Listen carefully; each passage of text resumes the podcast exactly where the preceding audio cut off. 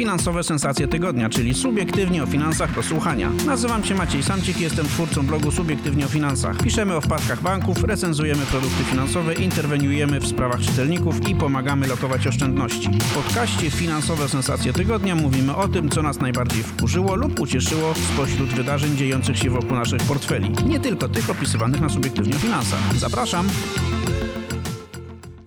Dzień dobry, dzień dobry. Witam Was w kolejnym odcinku podcastu Finansowe Sensacje Tygodnia.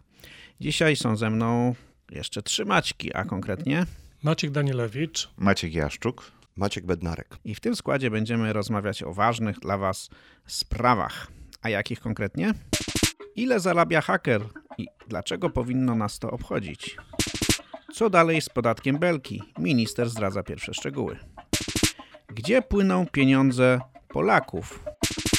Problem z wysokokwotowym przelewem. To tylko niektóre tematy, które e, pojawią się dzisiaj w e, podcaście. Mamy ich bardzo dużo. Będziemy zatem starali się streszczać, żeby zdążyć je wszystkie omówić, bo tych sensacji e, w tym tygodniu było wyjątkowo dużo. Zaczynamy od tematu tygodnia, czyli od tego, ile w Polsce zarabiają hakerzy i dlaczego zarabiają więcej niż dyrektorzy do spraw cyberbezpieczeństwa w dużych firmach. Temat tygodnia. 20 tysięcy dolarów miesięcznie. Taką kwotę znalazłem w, właściwie w, w, dwóch źródłach, z którymi ostatnio się zapoznawałem, czyli w raporcie firmy Kasperski, tej od popularnego programu antywirusowego i naszego rodzimego ASECO. 20 tysięcy dolarów. Tyle, na tyle może liczyć haker szeroko pojęty, no bo to też nie jest tak, że każdy haker robi to samo. Zgłębiając ten Ale to zależy od tego, co hakuje? To zależy... jak skutecznie hakuje? E, wydaje mi się, że e, od tego, na jakim stanowisku pracuje, bo tych, tychże stanowisk hakerskich jest tak samo dużo, jak i w każdej innej firmie informatycznej, bo e, żebyśmy mieli teraz takie dobre, dobre pojęcie na, na, ten temat. Ja też się tego dowiedziałem, no bo do tej pory wydawało mi się, że haker to jakiś taki siedzi w bluzie z kapturem, tak jak na tych wszystkich stokowych zdjęciach. Zawsze jest taki e, chłopak w bluzie z kapturem, w piwnicy od razu siedzi. od razu się kojarzy y, pejoratywnie, tak? Że to jest oszust, złodziej. I to zawsze w ciemnych barwach. Znaczy, to jest oszust i złodziej, to nie miejmy co no, do tego no wątpliwości. Bywa, bywa ale nie, jest pracownikiem na etacie. Ja jest pracownikiem na etacie w, w tylko w, tak, w firmie, która się zajmuje y, czymś, co jest nielegalne. I to jest jeden z tych trendów, na które wskazują eksperci od cyberbezpieczeństwa, czyli to, że te y, grupy hakerskie czy, czy cyberprzestępcy się bardzo organizują. I no właśnie ten raport y, firmy Kasperski tak mi otworzył oczy, bo on analizował tam lata 2020-2022 i rynek pracy hakerów, bo okazuje się, że e, w, w tym dark webie, czyli w tej takiej mrocznej części internetu, do której nie powinniśmy się zapuszczać, e, działa, funkcjonują normalnie e, systemy ogłoszeń o pracy dla hakerów na różne stanowiska, z, z opisami, z wynagrodzeniami. W ogóle to też warto to jakby przynajmniej takie wnioski wyciągać, drodzy rekruterzy. Widełki e, wynagrodzeń się powinno podać w ogłoszeniach. Hakerzy są kuszeni e, różnymi benefitami, takimi jak praca zdalna, jak zatrudnienie na pełny etat, e, dni wolne, zwolnienia lekarskie, stałe wynagrodzenie czy udziały w wynagrodzeniu, możliwość właśnie pracy na pół etatu, dorabiania sobie, jakby to wszystko to samo, co mamy na, na, na rynku pracy, że tak powiem, legalnym, tak mamy na tym, na tym hacker. A płaci się w bitcoinach, czy jednak w dolarach? Bo y, Różnie. na początku kwotę w dolarach, ale no, ten świat dark webowy, darknetowy kojarzy się e, nam raczej z y, rzeczami nielegalnymi, które dość często są płatne w kryptowalutach. E, być może, to, to, już, to już nie wnikałem. Pewnie, pewnie te kryptowaluty mają tutaj duże, duże znaczenie, natomiast no, sam Bitcoin jest też tak wachliwy, że, że jak mam stałą pracę ze stałą stawką, to ja bym się na bitcoina nie umówił, bo jednego dnia mogę zarobić 40 tysięcy, a dwa miesiące później 15. Dlatego nie jesteś hakerem. Dlatego nie jestem hakerem. Dziennik, dziennikarzem. Tak jest. Ma to, dlaczego, dlaczego zarobię tak dużo i dlaczego to jest w miarę ujednolicone? Ano dlatego, że y, to jest zglobalizowany rynek. To znaczy mogę być hakerem z każdego miejsca na świecie i hakować każdą firmę na świecie. Natomiast e, specjalista od cyberbezpieczeństwa już jest bardzo lokalny, bo polska firma będzie miała polskiego specjalisty od cyberbezpieczeństwa i będzie mu płaciła w złotych. Raport firmy e, Hayes, czy Hayes, która się zajmuje właśnie takimi HR-owymi e, sprawami, pokazuje, że właśnie w tej branży cyberbezpieczeństwa to specjaliści tego wyższej klasy zarabiają około 20 tysięcy, ale złotych. E, no, dyrektorzy czy kierownicy tych, tych teamów cyberbezpieczeństwa mogą gdzieś tam ponad, ponad 30, ale to nadal jest mniej niż zarabia haker. Co jest, e, powinno być ważnym sygnałem dla przedsiębiorców, którzy muszą tym specom od cyberbezpieczeństwa płacić, że jakby na tym nie warto oszczędzać i bo, bo jakby to nie jest tak, że y, każdy spec od cyberbezpieczeństwa ma cały czas konkurencję, czy iść na mroczną stronę mocy, czy zostać po jasnej. Natomiast ci, którzy stoją po drugiej stronie, y, są tak samo y, finansowo zmotywowani do tego, albo nawet lepiej, żeby te zabezpieczenia łamać. No tak, ale tutaj dochodzi jeszcze premia za ryzyko, tak? No bo jeżeli to jest działalność nielegalna, jeżeli haker wpadnie, chociaż tak jak mówisz, to jest zglobalizowany rynek i tak naprawdę należy szukać go złodzieja, hakera po drugiej stronie kuli ziemskiej. Tak, tak. No i jakby tutaj jurysdykcja i ściganie jest pewnie bardzo utrudnione. Jest jeszcze jedna bardzo taka e, e, znamienna rzecz, którą, którą ten raport Kasperskiego pokazał, czyli jest pewna korelacja między ogólną koniunkturą w tej branży informatycznej, a, a tym ożywieniem rynku pracy, e, haker, tym hakerskim rynku pracy. Korelacja jest odwrotna. Im gorzej się dzieje na rynku pracy tym legalnym, tym więcej osób szuka i jakby tych, tych, tych mrocznych, czyli tych, tych e, nielegalnych zajęć. E, no jakby to jest trochę oczywiste, bo z jednej strony no jest podaż pracy, tak? Ludzie, którzy zdolni programiści, informatycy, którzy tracą pracę ze względu na zwolnienia, na coś tam, na, na, na, na spadek zamówień, gdzieś muszą szukać innego zajęcia, więc y, pchnięci w jakiejś takiej desperacji są gotowi też imać się zajęć nielegalnych. Z drugiej strony, tam gdzie się zwalnia ludzi, jeżeli w dużych firmach są jakieś y, zwolnienia i ci między innymi ich ofiarami padają właśnie specjaliści od cyberbezpieczeństwa albo, po prostu ludzie kompetentni, którzy pilnowali tego, żeby była nieodpowiednia e, hi, cyberhigiena w, firmie, no to otwierają się dla, dla hakerów możliwości. No i to jedno drugie napędza, więc yy, a że teraz mamy, jak, jak notujemy od w sumie ponad roku, kolejną falę zwolnień w, w, dużych firmach informatycznych. Google zwalnia kolejne tysiące e, osób. E, w Polsce też to powoli gdzieś tam zaczyna do nas docierać. E, piszemy o tym sporo w homodigital.pl. Będzie dużo ogłoszeń o pracy dla hakerów. Będzie dużo ogłoszeń dla hakerów, więc to moja rada jest dla, dla firm taka, to nie jest czas na oszczędzanie na cyberbezpieczeństwie. Generalnie nigdy nie jest, ale teraz szczególnie będzie dużo większy popyt na to, e, żeby e, wasze dane wykraść, e, zablokować wam stronę waszego sklepu, wyciec liczbę, listę klientów i robić inne bardzo przykre rzeczy, które mogą was kosztować dużo więcej niż zatrudnienie specjalisty od cyberbezpieczeństwa albo outsourcowanie po prostu tych usług w, w jakiejś profesjonalnej, większej firmie. No ja mam jeszcze tytułem uzupełnienia, myślę, ważną uwagę. No, nie zawsze haker jest złodziejem. Powiedzmy sobie szczerze, większość hakerów nawet myślę, że w tej chwili się obraża na nas, jak opowiadamy o tym w takim pejoratywnym e, ujęciu, bo, bo to jest też tak, że, że hakerzy bywają zatrudniani przez korporacje normalnie na etacie po to, żeby testować ich korporacyjne systemy i żeby właśnie e, sprawdzać, czy one są szczelne.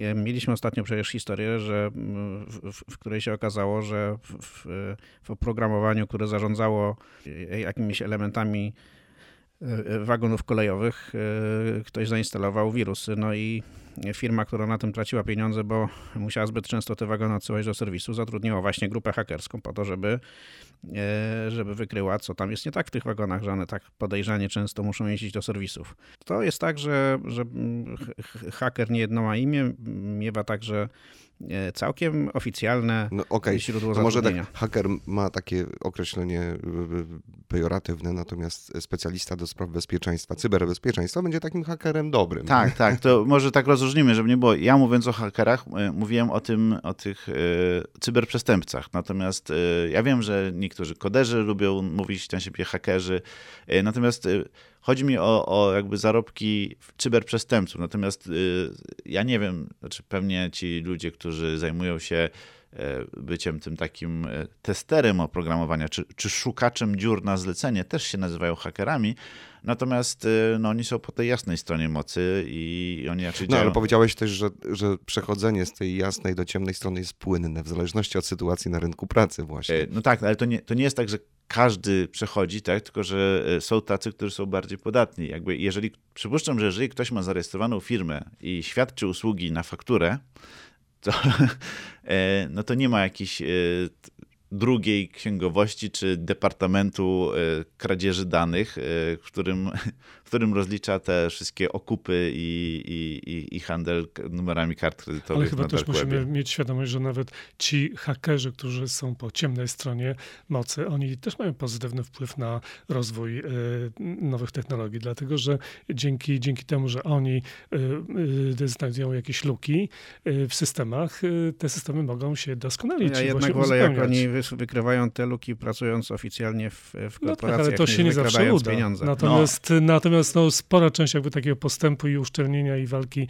z cyberprzestępczością to, to, to, to spowodowało jakby dalszy rozwój no technologii. trochę tak jak e, złodzieje e, rozwijają nam rynek e, zabezpieczeń okien i, i szyb antywłamaniowych. No jest całkiem spora grupa hakerów, którzy włamują się owszem, ale nie kradną pieniędzy, tylko informują tych, który, do, do których się włamali, hej słuchajcie, macie dziurę, mógłbym wam ukraść pieniądze, ale tego nie zrobiłem, gdyż jestem etycznym hakerem.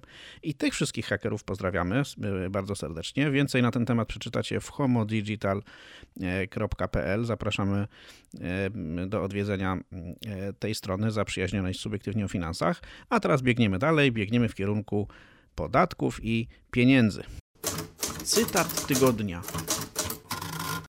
Zapraszam Was do wysłuchania krótkiej wypowiedzi ministra finansów Andrzeja Domańskiego o podatku Belki. Wypowiedź pochodzi z TVN24, z programu Fakty po faktach, a tym drugim głosem, który usłyszycie jest redaktor y, Grzegorz Kajdanowicz, który rozmowę prowadził. Przedstawimy y, na pewno w lutym y, całe rozwiązanie dotyczące obniżenia podatku. Ale to nie będzie likwidacja podatku belki, odejście od Nie, bo te... to znowu będzie jakiś rodzaj progu dla kogoś, kto tak. na przykład ma Dokładnie tak. w, tego, wiem, na lokatach. Tego likwidacji podatku belki nie zapowiadaliśmy, zapowiadaliśmy jego obniżenie i to zostanie dowiezione.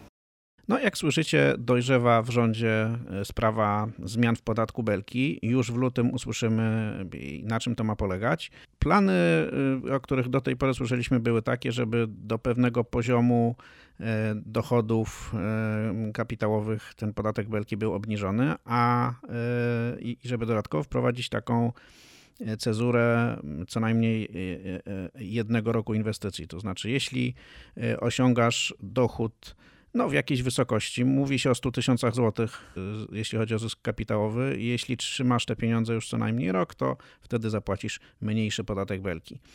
Mm, y, ta koncepcja jest z jednej strony ciekawa, bo, bo podatek belki jest denerwujący, zwłaszcza dla tych, którzy mają niskie oprocentowanie swoich depozytów w bankach. To właśnie podatek belki w dużej części odpowiada za to, że nie jesteśmy w stanie realnie obronić swoich pieniędzy, o czym jeszcze za chwileczkę powiem w podcaście. No a z drugiej strony e, też denerwuje posiadaczy obligacji skarbowych, bo nawet jeśli one są e, z oprocentowaniem uzależnionym od inflacji, to jak się od tego odejmie podatek belki, to też niejednokrotnie nie ma czego zbierać, albo właściwie może nie jest aż tak źle, ale jest problem z ochroną realnej wartości pieniądza. Czekamy na szczegóły. Jedno tylko mnie martwi, że jednak ten podatek belki jednak powinien być jakoś wpięty w, w zmiany systemu podatkowego, bo dzisiaj mamy w tym systemie bardzo duży bałagan. Przecież pamiętajmy, że jeśli chodzi o nasze zarobki, to one mogą być opodatkowane stawką 12% albo 19% albo 32%. Tam po drodze, jeśli ktoś prowadzi działalność gospodarczą, to jeszcze ma mnóstwo stawek ryczałtu.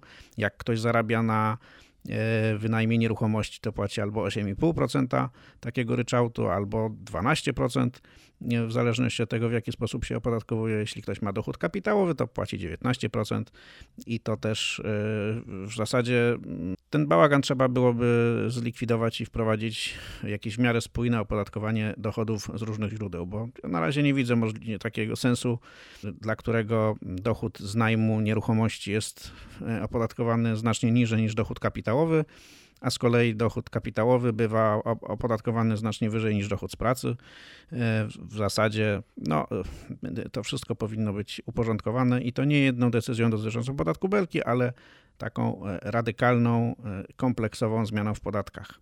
Wygląda na to, że na razie będziemy mieli małą zmianę w podatku belki, no bo jeśli już w lutym ma być pomysł to i projekt, to znaczy, że tutaj będziemy mieli raczej szybką decyzję dotyczącą E, ulgi e, w jednym z podatków. Czy to będzie e, ulga dla nas korzystna? Zapewne tak.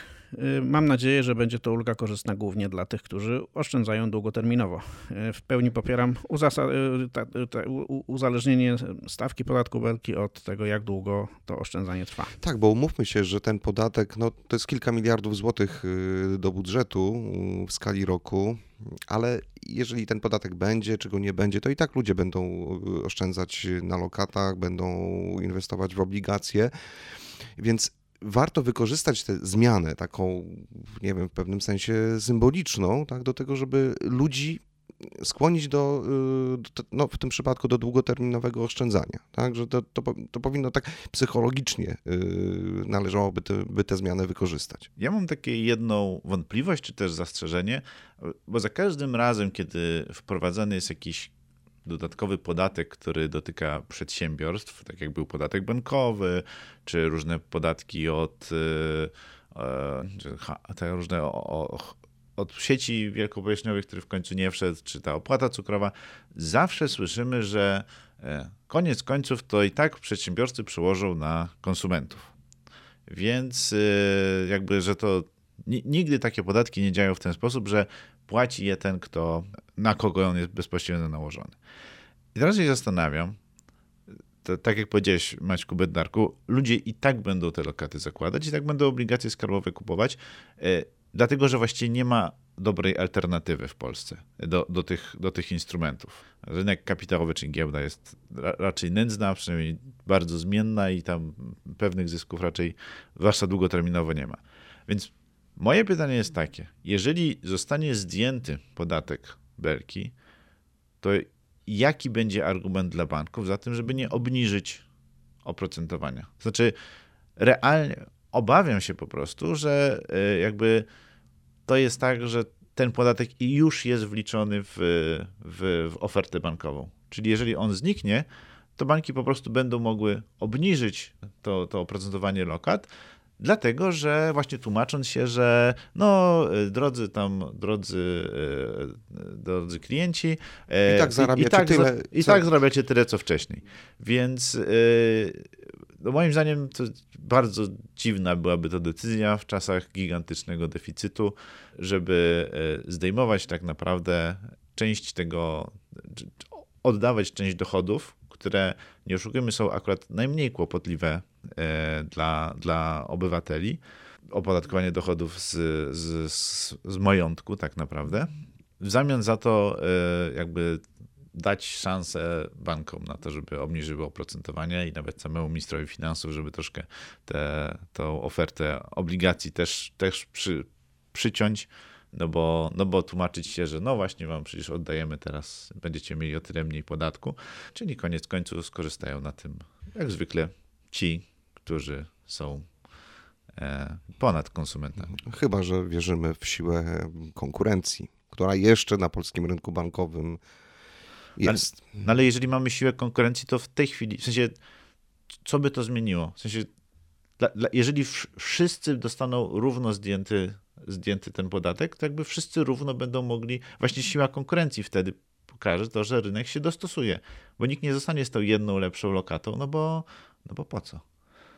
Płacenie więcej za lokatę będzie dla banku nieopłacalne i jakby i on będzie konkurencyjnie tracił y, względem tego, kto, kto, kto zaoferuje niższe oprocentowanie na takich samych warunkach. Ale może będą zyskiwać ci, którzy będą po prostu oferować y, wyższe oprocentowanie na A dzisiaj to zyskują? Czas. A dzisiaj zyskują?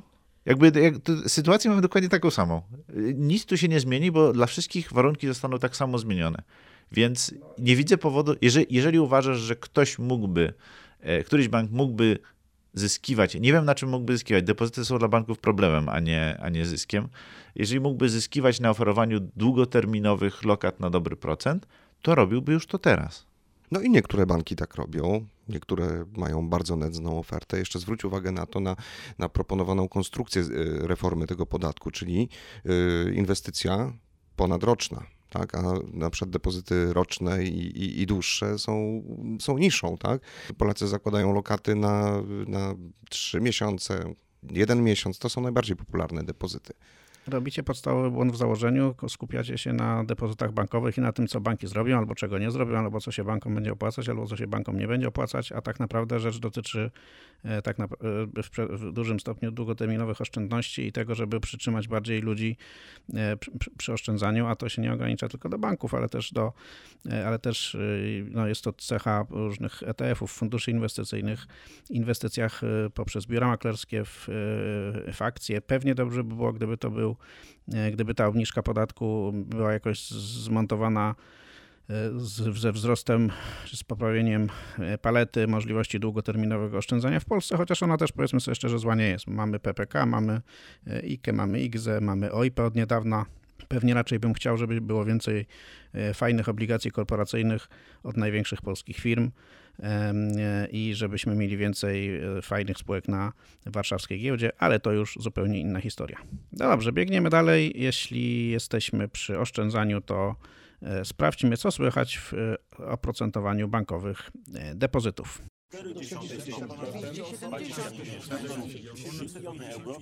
Liczba tygodnia. Dzisiejsza liczba tygodnia to 3,61 setnych. Maćku, zwracam się teraz do Maćka Bednarka, wyjaśni nam, dlaczego akurat taką liczbę wybraliśmy e, na liczbę tygodnia w naszym podcaście. 3,61% to jest e, wyliczone przeze mnie średnie oprocentowanie depozytów rocznych oferowanych przez banki w styczniu. To oznacza, że mamy no, kolejny miesiąc spadku. Ja zacząłem przyglądać się depozytom tak regularnie mm, od września ubiegłego roku, kiedy pamiętacie, mieliśmy taką dużą obniżkę stóp procentowych. We wrześniu to były trzy ćwiartki, potem w październiku kolejna ćwiartka, no i no, czyli o jeden punkt procentowy, no i na tym stanęło, tak? Na razie mm, Rada Polityki Pieniężnej się nie kwapi do tego, by obniżać, podwyższać. Inflacja gdzieś się okopała na, e, na poziomie 6%. Natomiast jeszcze przed tą dużą obniżką stóp procentowych, to oprocentowanie, średnie oprocentowanie depozytów e, rocznych było o ponad 1 punkt procentowy wyższe, czyli y, potem przyszła ta obniżka stóp procentowych i do stycznia, do, do dzisiaj mamy, y, mamy spadek y, oprocentowania tych depozytów rocznych. Mogę podać inną liczbę tygodnia czy miesiąca, bo to jest jak gdyby stan obrazujący sytuację depozytową w styczniu.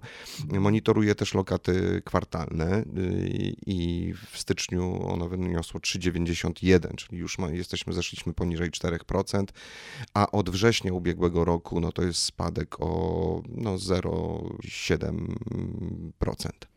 Punktu procentowego. Punktu procentowego, tak. No y, tak, y, to, że średnie oprocentowanie lokat trzymiesięcznych jest o 0,3 punktu procentowego wyższe niż y, depozytów rocznych, świadczy o tym, że jednak bankowcy spodziewają się obniżki stóp procentowych i nie chcą płacić zbyt dużo za depozyty roczne. Ja tylko te 3,61 chciałbym zblokować z inną liczbą 5,75. 5,75 to jest y, poziom stopy procentowej NBP. Gdzieś wokół tego poziomu, chyba na nieco, na sporo niższym poziomie, ale a gdzieś tam w okolicach pewnie 5 punktów procentowych krąży dzisiaj wskaźnik WIBOR. I to jest wszystko dużo więcej niż, niż to, co oferują banki za depozyty. Dlaczego tak się dzieje, to jest zupełnie inna historia. Znaczy, jest jeszcze jedno proste wyjaśnienie, dlaczego na przykład y, średnie oprocentowanie mm, tych lokat krótszych, na przykład kwartalnych jest wyższe niż rocznych, ponieważ ja tutaj y, biorę pod uwagę zarówno depozyty standardowe, gdzie tam nie trzeba spełniać żadnych warunków, ale też te depozyty promocyjne, bo jest jeszcze kilka y, produktów na rynku no, z no, dość sporym, dość wysokim oprocentowaniem. Banki nie, nie, nie mają promocji na długie długie depozyty na roczne, tak? Jeżeli już, no to, to jest zazwyczaj 3 miesiące albo nie wiem, jakiś depozyt półroczny, czy na przykład konto oszczędnościowe, gdzie oprocentowanie to podwyższone obowiązuje 3 miesiące, 4, w niektórych bankach 5 miesięcy, więc to też e, tak, tak należy wyjaśnić te rozbieżności. No ale nadal można y, mieć depozyt na ponad 7%. No 7,1% no to jest najwyżej. Y, jest kilka jeszcze siódemek, y, no i kilka ofert na 6%. Mm, wszystkie to są oferty promocyjne, tak, trzeba spełnić jakiś warunek, przynieść nowe środki, założyć konto, czy, czy spełniać warunki w postaci nie wiem, zasilania konta, czyli to jest tak, dobry depozyt jest sposobem przyciągnięcia klientów do banku.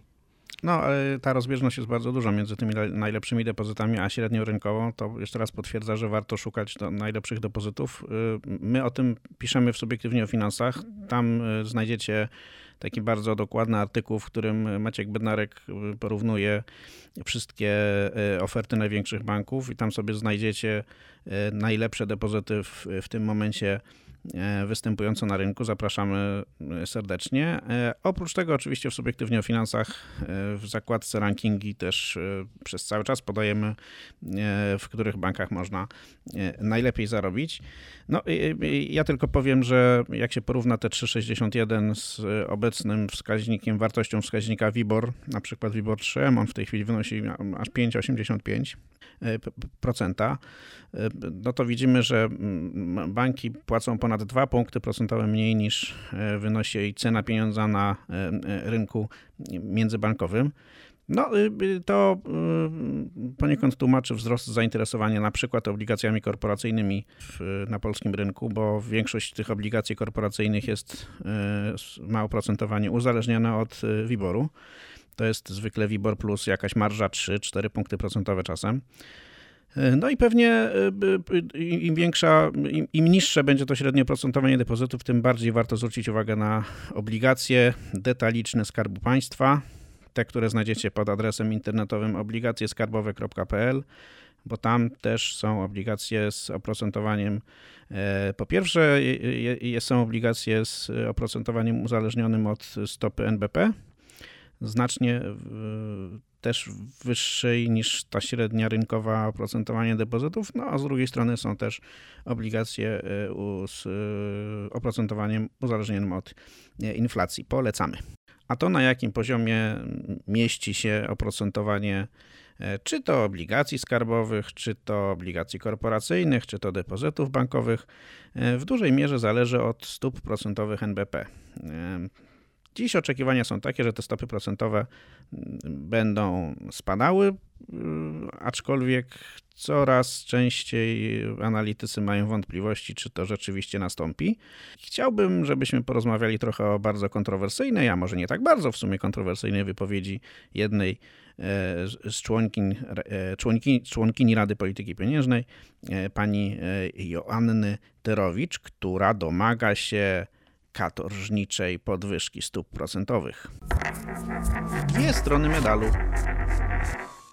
Członkini Rady Polityki Pieniężnej Joanna Terowicz domaga się drakońskiej, w sumie dość drakońskiej podwyżki stóp procentowych, e, no bo w jej ocenie żaden z modeli e, tego, jak się będzie kształtować przyszłość, e, które przygotowuje Narodowy Bank Polski, nie wskazuje na to, że może w jakiejś przewidywalnej perspektywie nastąpić spadek inflacji w Polsce do takiego poziomu, którego Narodowy Bank Polski mm, powinien pilnować, czyli 2,5% plus minus 1 punkt procentowy.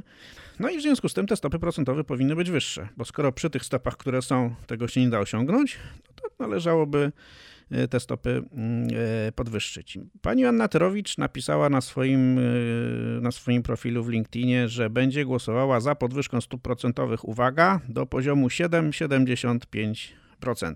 Dopóki stabilne osiągnięcie celu inflacyjnego NBP nie będzie możliwe w rozsądnym horyzoncie czasowym. I teraz Y, cytuję, co napisała pani Anna Trowicz y, literalnie na portalu LinkedIn. Od początku kadencji, w y, mojej kadencji w Radzie Polityki Pieniężnej wskazywałam, że stopa 6,75% nie sprowadzi inflacji do celu NBP do końca 2025 roku i że wskazują na to nawet analizy Narodowego Banku Polskiego. Z prawdopodobieństwem bliskim 50% możemy co najwyżej osiągnąć górne pasmo odchyleń od celu inflacyjnego NBP, a i tak tylko w, w warunkach braku jakichś nowych e, zawirowań. E, z modeli m.in. NBP wynika, że przy stopie 7,75% mielibyśmy znacznie większe szanse sprowadzić inflację do celu, e, który sobie założył Narodowy Bank Polski. Tak napisała pani Joanna Terowicz na e, portalu LinkedIn. No i teraz powstaje pytanie, czy widzicie oczami wyobraźni stopy procentowe na poziomie 7,75, czyli dwa punkty procentowe powyżej obecnych? Czy to byłaby rozsądna decyzja? Czy i jak to jest, że no, gdyby to była rozsądna decyzja, to dlaczego właściwie nikt e, w tej decyzji pani Joanny Torowicz nie popiera? Trzeba sobie zdać sprawę z tego, że mm, e, polityka pieniężna działa e, nie w okresie kilku miesięcy, tylko no, tak się przyjmuje co najmniej dwóch lat. No i teraz, jeśli jesteśmy w tej chwili w drugiej połowie stycznia, no to Y, wyobrażam sobie, że większość z nas y, y, nie ma aż takiej wyobraźni, żeby, żeby 7-75% stopy głównej sobie wyobrazić. Natomiast jeśli prześledzimy na przykład to, co się działo z inflacją w ostatnich kilku latach, no to trzeba sobie zdać sprawę z tego, że my tak naprawdę dosyć słabo walczymy. Tutaj mówię jak, jako bank centralny, tak, jako polski bank centralny z inflacją. Dlatego, że od e, czterech lat tak naprawdę mamy sytuację, kiedy stopa procentowa jest znacznie powyżej inflacji i ta inflacja nie rozpoczęła się moment, w momencie jakby inwazji Rosji na Ukrainę, tak jak podkreśla y, wciąż y, bank centralny czy prezes banku centralnego. Natomiast rozpoczęła się już w 2019 roku. I od 2019 roku y, stopy procentowe są poniżej wskaźnika inflacji. I to grubo, I... bo mieliśmy inflację przecież nawet w pewnym momencie ponad 18%, a stopy, tak, a stopy się właśnie do 10 nie zbliżyły. W tym czasie, kiedy inflacja sobie rado, radośnie skakała do no, najwyższego poziomu od 20 lat, yy, właściwie stopy się nie zmieniały w, ogóle. I... trzeba powiedzieć, że wszystkie banki centralne miały y, y, takie właśnie, no nie tyle opóźnienie, co po prostu nie zdążyły zareagować. No, i... i trzeba tak, jeszcze wziąć pod uwagę pandemię, tak? Kiedy inflacja wynosiła 3-4% w skali roku, a stopy zostały sprowadzone tak do, do prawie zera. Do prawie zera, natomiast nie, nie, nie zostały jakby wyeliminowane te czynniki wzrostu cen, które jeszcze właśnie e, przed pandemią wystąpiły i przed inwazją Rosji na Ukrainę. W związku, w związku z tym potem te czynniki się nałożyły. No i w tej chwili, w tej chwili mamy taką sytuację, że pani profesor Torowicz e, jakby też nie bierze z kosmosu pewnych liczb, opiera się na projekcjach inflacji i te projekcje wskazują, że inflacja ma szansę dojść do, w okolice celu inflacyjnego 2,5% do końca 2025 roku. Y, ale pod warunkiem, że stopy procentowe będą właśnie na poziomie 6,75, z tym, że ten warunek to był warunek z jesieni wczesnej, a przecież jesienią stopy jeszcze zostały obniżone. Jeśli zostały obniżone o cały punkt y, i w tej chwili wynoszą ta główna stopa 5,75, no to tym bardziej ten warunek dojścia y, z, w okolice inflacji 2,5% za dwa lata no nie, nie zostanie spełniony. Stąd ten postulat jakby y, y, pani profesor Torowicz, która jest chyba już odosobnionym y, mm, przykładem takiej postawy, żeby, żeby te stopy jednak utrzymać na nieco wyższym poziomie. W tej chwili przypomnijmy, że inflacja CPI rok do roku wyniosła w grudniu 6,2%, czyli to jest, to jest, to jest powyżej tej, tej głównej stopy referencyjnej, ale jeśli nasi stali czytelnicy i słuchacze pamiętają pewnie w, na ostatniej konferencji prasowej prezesa NBP usłyszeliśmy, że inflacja y, na początku tego roku będzie spadać, nawet do szokująco niskich poziomów y, w okolicy, nawet 2,5% w marcu, ale to będzie bardzo, bardzo um, krótkotrwałe zjawisko, jeśli w ogóle nastąpi y, i będzie wynikać bardziej z utrzymania jeszcze w tym okresie tarczy um, antyinflacyjnych i zerowego VAT-u na żywność. Natomiast y, w trakcie roku, już w drugiej połowie roku, ta inflacja może wzrosnąć nawet do 8%. No i jeśli y, spojrzymy na inflację właśnie jako na proces, który rozgrywa się w ciągu wielu miesięcy, które nastąpią y, w tym roku i pewnie w przyszłym, jeśli zdejmiemy wszystkie tarcze antyinflacyjne mm, i będziemy mieli jeszcze do czynienia właśnie z y, tym VAT-em na żywność już w normalnej wysokości, nastąpią pewne, pewne efekty pod, podwyżek płac, wynagrodzeń w sferze budżetowej, ale i pewnie w gospodarce, w sektorze prywatnym, no bo taka jest presja pracowników jeśli to wszystko weźmiemy pod uwagę, no to mm, tak naprawdę przy inflacji 8% pod, pod koniec tego roku, jeśli to nastąpi, tak 7-8%, to stopa procentowa 7,75, czy ona jest taka szokująco wysoka? No chyba nie. Weźmy jeszcze pod uwagę, że to powiedziałeś, że inne, inne kraje czy inne banki centralne też miały z tym problem. Natomiast w strefie euro, e, tak przez pana prezesa Glapińskiego, e, jakby, no, ostatnio, ostatnio się przekonał do instytucji europejskich, gdy mu zaczęły, zaczęły go bronić przed Trybunałem Stanu. E, natomiast wcześniej jakby wskazywał to jako zły przykład. Natomiast inflacja w strefie euro jest około 3%, a stopa procentowa ta główna jest 4%. W Stanach Zjednoczonych też mamy realne, realnie dodatnie stopy procentowe, znaczy stopa procentowa jest wyższa niż inflacja. I w takich warunkach to, to jest, no, wedle tych takich tradycyjnych prawideł ekonomii, to są warunki, w których bardziej się opłaca oszczędzać niż się opłaca e, zaciągać kredyty. A jeśli się bardziej opłaca oszczędzać, to znaczy, że tworzymy wszyscy jako konsumenci warunki do tego, żeby inflacja spadała, bo zmniejszamy nasz popyt, bardziej oszczędzamy niż wydajemy pieniądze w sklepach. Ale na przykład e, teraz, e, według szacunków Głównego Urzędu Statystycznego, nasze oczekiwania inflacyjne, czyli oczekiwania inflacyjne konsumentów i firm rosną.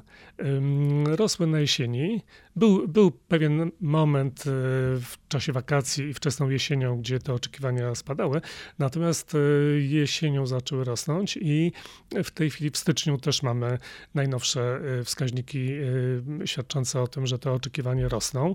No i tutaj oczekiwania inflacyjne są no, istotnym składnikiem y, też inflacji, bo one powodują, że pracownicy właśnie żądają mm, wyższych wynagrodzeń, firmy w umowach podpisywanych właśnie z wyprzedzeniem kilkumiesięcznym też przewidują, że ceny będą, będą za kilka miesięcy wyższe.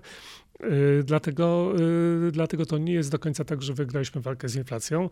Y, to trzeba wszystkich przez, przestrzec przed tym i tak naprawdę z inflacją walczymy jeszcze w tym roku i w przyszłym roku. Tutaj pani profesor Torowicz no, słusznie, słusznie podaje taki szokujący dosyć, trudno tak sobie to w głowie od, od razu obliczyć, ale tak naprawdę będziemy mieli co najmniej 6 lat z podwyższoną inflacją i okresowo bardzo wysoką oczekiwania inflacyjne nie, nie zostały y, skutecznie jakby ograniczone y, i trochę jesteśmy w punkcie no, takim, takim nieokreślonym. Tak? Jeśli prezes NBP nawet, który jeszcze rok temu był bardzo dużym optymistą, a teraz nagle w styczniu się okazuje, że jest no, dużym pesymistą, co mają tak naprawdę sądzić konsumenci i firmy.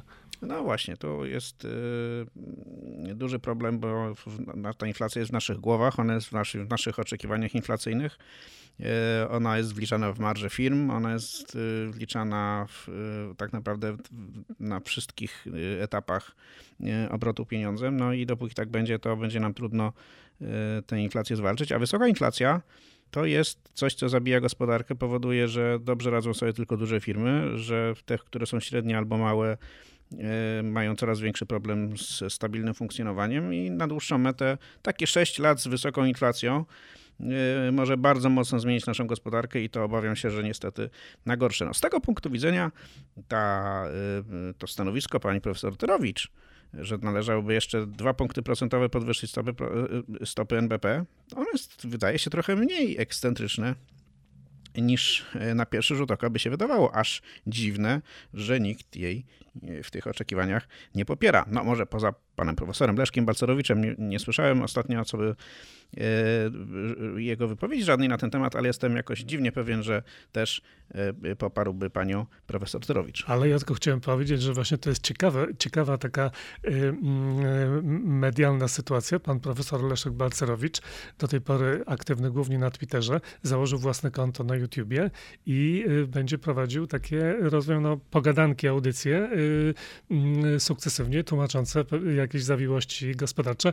Y, muszę przyznać, że jeszcze nie słuchałem, nie, nie, nie mm, zobaczyłem tego kanału, ale zaskoczyła mnie ta informacja. No, okazuje się, że dotarcie bezpośrednio do, y, do, do czytelników, obserwatorów, widzów, słuchaczy, no, może być bezcenne, więc pan profesor Balcerowicz już nie chce korzystać z pośrednictwa mediów, chce dotrzeć bezpośrednio.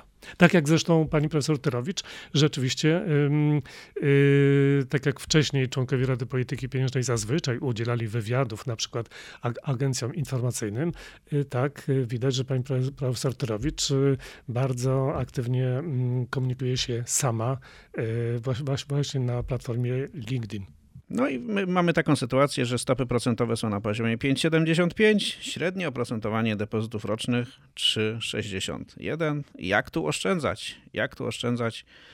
Może jednak y, każdy posiadacz depozytów w bankach powinien ucieszyć się na samą myśl o tym, że stopy procentowe mogłyby pójść w górę o te dwa punkty do 7,75. E, depozyty Oj, też poszłyby w górę. Podpadłeś kredytobiorcom w tym momencie. nie, no nie, nie, nie można niestety dogodzić wszystkiemu. Polakowi nie dogodzisz, polskiemu... No ale oszczędzający e... mogą być zadowoleni. A gdzie dwóch Polaków, tam trzy zdania.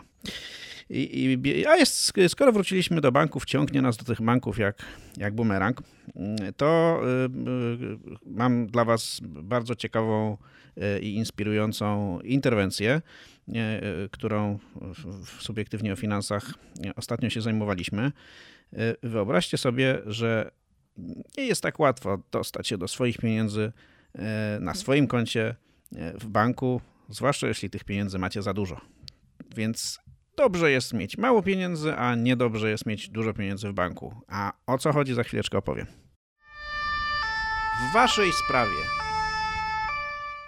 E, otóż jeden z naszych czytelników miał potrzebę wykonania przelewu. E, dokładniej przelewu swoich pieniędzy ze swojego konta bankowego na jakieś inne konto bankowe. W XXI wieku to no, powinna być y, przysłowiowa bułka z masłem, ale niestety w tym przypadku nie było. Nie, nie była, y, no, ponieważ w celu wykonania takiego przelewu klient został zaproszony do placówki, a w tej placówce odesłany z kwitkiem. Y, o co chodziło? No, jak wiecie, w bankach występują różnego rodzaju limity wartości przelewów, które można wykonać. E, w, akurat w tym banku, w którym, którego klientem jest na, nasz czytelnik, ten limit wynosi 200 tysięcy złotych i nie można go zmienić w żaden sposób. To znaczy nie jest tak, że mogę sobie ten limit ustawić na wyższym poziomie. Mogę go sobie ustawić niżej, ale nie mogę wyżej. Tak się składa, że czytelnik chciał kupić mieszkanie, w związku z tym potrzebował zrobić y, no, dużo większy niż 200 tysięcy złotych przelew ze swojego konta e, bankowego na konto e, osoby od której y, kupował mieszkanie. Oczywiście zdawał sobie sprawę z tego, że nie może takiego przelewu wykonać w bankowości elektronicznej ani mobilnej, więc po prostu poszedł do oddziału y, i poprosił, żeby tam mu pomogli ten y, przelew zrobić. A tam się dowiedział, że się nie da. Dlaczego się nie da? No, dlatego, że rzecz się działa po godzinie 17, Oddział co prawda był jeszcze otwarty przez dwie godziny, bo do 19, ale w tym oddziale była już tylko jedna dyżurna pracownica. A okazało się, że regulacje banku, e, w którym działa się historia banku Millennium są takie, że musi być co najmniej dwóch pracowników, żeby ten drugi dokonał czegoś w rodzaju kontrasygnaty tej dyspozycji. A więc klient dowiedział się, że tak, ma owszem 200 tysięcy, no, czy kilkaset tysięcy, bo to było ponad 200 tysięcy na swoim koncie e, i owszem wylegitymował się, ale nadal nie może się do tych pieniędzy dostać, ponieważ nie ma kto zatwierdzić tej transakcji. No i teraz pytanie brzmi, e, po co banki ustalają takie zasady, skoro później same nie są w stanie ich wyegzekwować? Oczywiście zdaję sobie sprawę z tego, że być może w tym konkretnym oddziale zwykle pod wieczór ruch jest niewielki, więc część pracowników, żeby nie pompować kosztów, jest e, zwalniana wcześniej do domu. No, tylko że zdaje się, że zapomnieli, że może się zdarzyć tak, że jakiś klient ma potrzebę wykonania dużego przelewu z własnego konta i co? I nie może tego przelewu zrobić, bo, bo w banku już w zasadzie nie ma z kim rozmawiać. E, obawiam się, że to nie jest kwestia tylko tego jednego banku. Obawiam się, że w erze, w której banki starają się oszczędzać na placówkach, oszczędzać na etatach i automatyzować wszystko, co się da, taka historia może się zdarzyć każdemu z Was. Dlatego zanim E, wykonacie, czy zechcecie wykonać duży przelew ze swojego konta w swoim banku, to sprawdźcie, czy e, to jest w ogóle możliwe, a przede wszystkim odwiedźcie swój oddział i e, zobaczcie, czy tam w ogóle są jacyś pracownicy. Bo że oddział jest i że jest otwarty, to może zupełnie nic nie znaczyć. No to na koniec mam dla Was jeszcze ciekawostkę. Czy wiecie, dokąd płyną dzisiaj pieniądze Polaków? Ciekawostka tygodnia. No, oczywiście domyślacie się, że płyną w dużej części do banków, no bo dokąd mają płynąć banki, e, to jest taki domyślny pomysł na e, oszczędności i e, większość pieniędzy, nowych pieniędzy, nowych oszczędności, które mamy, płynie właśnie do banków. Natomiast jest też drugie miejsce, w którym, do którego płyną nasze pieniądze ostatnio i jeśli chodzi o fundusze inwestycyjne, to największy strumień świeżego kapitału inwestorów płynie, okazuje się, do funduszy dłużnych. W samym tylko grudniu zeszłego roku do funduszy dłużnych dopłynęło ponad pół miliarda złotych e, i w skali całego roku to dodatnie saldo wynosi już prawie 6 miliardów złotych. No, e, o ile w początkowej fazie tego procesu pieniądze płynęły głównie do funduszy obligacji skarbowych, e, to ostatnio najchętniej ludzie wpłacają pieniądze do funduszy obligacji korporacyjnych. Mm, tutaj w ciągu ostatnich 12 miesięcy mieliśmy napływ netto, czyli przewagę tych pieniędzy, które wpłynęły nad tymi, które wyszły z tych funduszy na poziomie ponad 1 miliard 200 milionów złotych. No i e, to, że pieniądze płyną do funduszy dłużnych, wynika e, oczywiście z tego, że te fundusze, jak sobie zerkniecie na to, na ich wyniki. W, w, różnych miejscach są one podawane. Jest taki serwis y, analizy.pl, w którym można bardzo łatwo sprawdzić wyniki dowolnego funduszu i dowolnej grupy funduszy. No te fundusze w ciągu ostatnich 12 e, miesięcy przyniosły średnio 9-10% zysku w skali roku. No więc pieniądze do nich płyną. Tak jak się porówna te 10% z tym, co płacą banki dzisiaj na depozytach, to, no to nie ma o czym rozmawiać. Wiadomo, że, że w funduszu można zarobić więcej. Kłopot w tym, że zwykle jest tak, że jak najwięcej tych pieniędzy zaczyna płynąć do funduszy obligacji, to już, e, to już jest e, po przysłowiowej herbacie. No bo fundusze obligacji, tutaj odsyłam do naszego takiego e, poradnika, wideo poradnika na naszym kanale YouTube. Tam tłumaczyliśmy, jak działają fundusze obligacji. E, w sposób bardzo obrazowy polecam sobie odtworzyć ten filmik. Te fundusze zarabiają najwięcej wtedy, kiedy rynek oczekuje spadku stóp procentowych.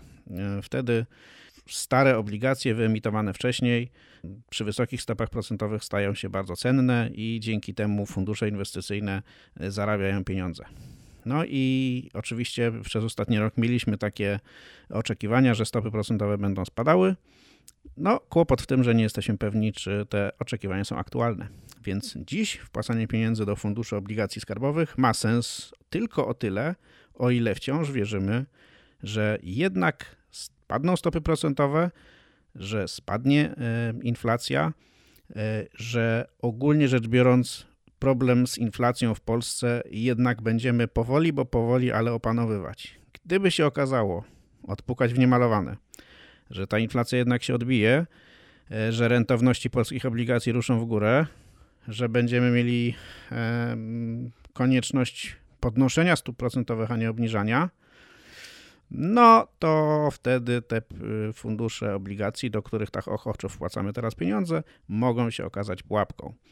W waszych rękach pozostawiam oczywiście decyzję, co robić, czy robić, jak robić, e, ale no niewątpliwie jest tak, że duża część z nas chyba jednak z tych e, przekłada pieniądze z tych banków, które płacą coraz mniej do funduszy obligacji, co może być dobrym pomysłem, ale nie musi nim być. I na tym e, spostrzeżeniu chciałbym zakończyć dzisiejszy podcast. E, życzę Wam e, owocnych inwestycji. E, tych, którzy mają, tym, którzy mają kredyty, życzę jak najniższych stóp procentowych, tym, którzy mają oszczędności, jak najwyższych. Byli z Wami dzisiaj Maciek Danielewicz, Maciek Jaszczuk, Maciek Bednarek i Maciek Samcik. Do usłyszenia za tydzień. Inne odcinki tego podcastu znajdziesz na stronie Subiektywnie o Finansach www.subiektywnieofinansach.pl. Zapraszam!